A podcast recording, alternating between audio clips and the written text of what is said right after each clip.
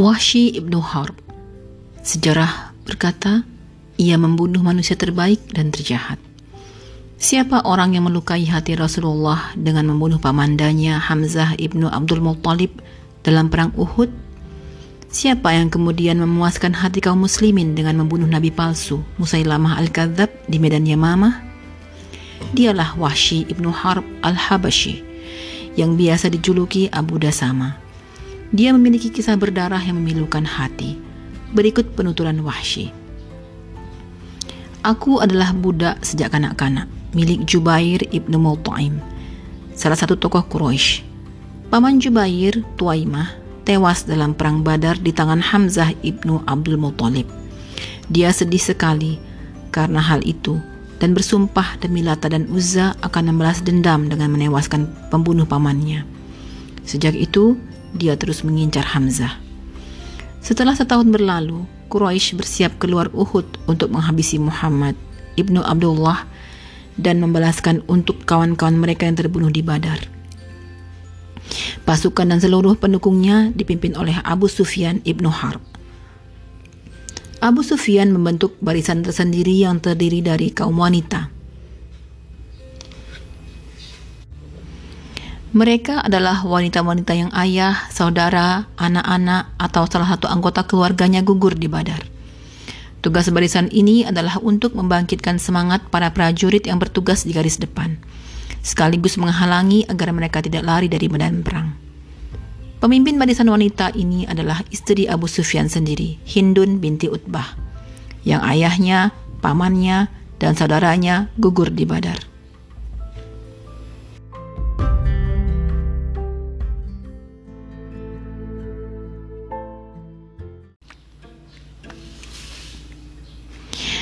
Pasukan siap berangkat, tuanku Jubair ibnu Mut'aim berkata, Hai Abu Dasama, inginkah engkau lepas dari perbudakan? Siapa yang bisa menolongku? Tanyaku. Aku bisa memberikanmu kebebasan itu. Bagaimana caranya? Kalau engkau bisa membunuh Hamzah paman Muhammad yang membunuh pamanku, Tuaimah ibnu Adi, maka engkau akan kumerdekakan.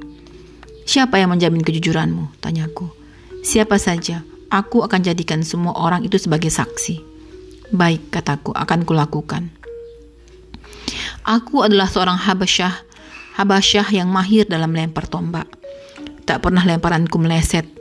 Kini ku ambil tombakku, lalu aku berangkat bersama pasukan. Aku selalu berjalan paling belakang, dekat dengan barisan wanita, sebab aku tak punya niat ikut berperang. Bila sekali-kali aku mengejar langkah Hindun, istri Abu Sufyan, dia memandangi Tombakku yang berkilat-kilat ditimpa sinar mentari dan bergairah, katanya. Hai Abu Dasama, puaskanlah hati kami. Sesampainya di Uhud dan perang sudah dimulai, aku keluar mencari-cari Hamzah ibnu Abdul Muttalib. Aku sudah pernah mengenalnya. Keberadaannya tak bisa disembunyikan sebab Hamzah selalu mengikatkan bulu burung di kepalanya sebagai petunjuk bagi kawan-kawannya, sebagaimana lazim dilakukan oleh jagoan-jagoan Arab. Tak berapa lama, kulihat Hamzah membabat, membabat kiri kanan bagaikan seekor unta yang sedang mengamuk. Bila dia telah mengayunkan pedangnya, maka tidak ada yang mampu bertahan lama di dekatnya. Aku bersiap-siap dan berlindung di balik bebatuan atau pepohonan, menanti sampai dia cukup dekat tanganku. Saat itu majulah seorang jagoan Quraisy bernama Sabba ibnu Abdul Uzza menantangnya duel. Teriaknya, Hai Hamzah, mari kita duel. Hamzah menghampirinya sambil menjawab, Ayo, kemarilah anak wanita musyrik. Engkau yang maju kemari. Tanpa memberi kesempatan lagi, Hamzah membabatnya dengan pedang dan dia langsung mandi darah. Saat itu kulit Hamzah lepas kendali. Dia berdiri pada posisi yang menguntungkanku. Segera saja kulempar tombakku setelah kuukur jarak baik-baik. Tombak itu menancap di bawah pusarnya dan tembus sampai ke kaki. Dia berusaha mendekati ku dengan langkah-langkah yang amat berat, tetapi beberapa saat saja dia roboh dan tombak masih tertancap di tubuhnya. Ku biarkan sampai dia benar-benar mati, baru ku hampiri dan ku cabut tombak, ku cabut tombakku. Aku segera menyingkir ke kemah karena memang benar-benar tak berniat ikut perang. Aku membunuh hanya supaya bebas dari perbudakan. Kulihat pertempuran semakin seru. Pasukan Muhammad mulai berantakan dan banyak yang terbunuh. Setelah keadaan mereda, keluarlah Hindun binti Utbah dan wanita-wanita Quraisy itu. Mereka menganiaya jenazah-jenazah muslimin yang bergeletakan di medan perang. Ada yang merobek perut, ada yang melubangi mata, memotong hidung dan telinga. Kemudian potongan-potongan tersebut dijadikan kalung dan anting-anting. Hindun memberikan kalung dan anting-antingnya kepadaku, katanya, pantas ini untukmu, simpanlah itu barang berharga. Selesai perang, aku kembali ke Mekah bersama pasukan. Jubair ibnu Multo'in memenuhi janjinya. Kini ada seorang yang merdeka. Namun, makin hari kejayaan Muhammad makin bertambah jua dan jumlah kaum muslimin makin besar. Bersamaan dengan itu, aku makin gelisah dan ketakutan. Hal tersebut terus berlangsung sampai Muhammad masuk ke Mekah dengan pasukan yang perkasa. Aku lari ke Taif dengan maksud mencari tempat yang aman. Tetapi penduduk Taif ternyata mengikuti Islam dan mempersiapkan delegasi untuk berunding dengan Muhammad dan menyatakan keislamannya. Lemas aku rasanya. Bumi terasa makin sempit saja. Aku berkata pada diriku sendiri, sebaiknya larilah ke Syam, Yaman, atau negeri lainnya. Sementara aku dalam kebingungan, seseorang yang merasa kasihan menasihati. Celakalah engkau ya Wahsy. Muhammad bukanlah seorang pembunuh.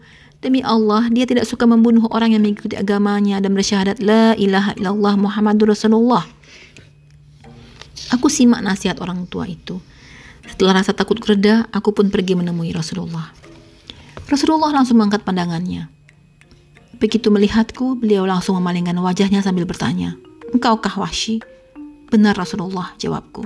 Duduk dan ceritakan bagaimana engkau membunuh Hamzah. Aku duduk dan menceritakan semuanya. Setelah selesai, beliau kembali memalingkan mukanya lalu berkata, Bodoh benar engkau ini Wahsy.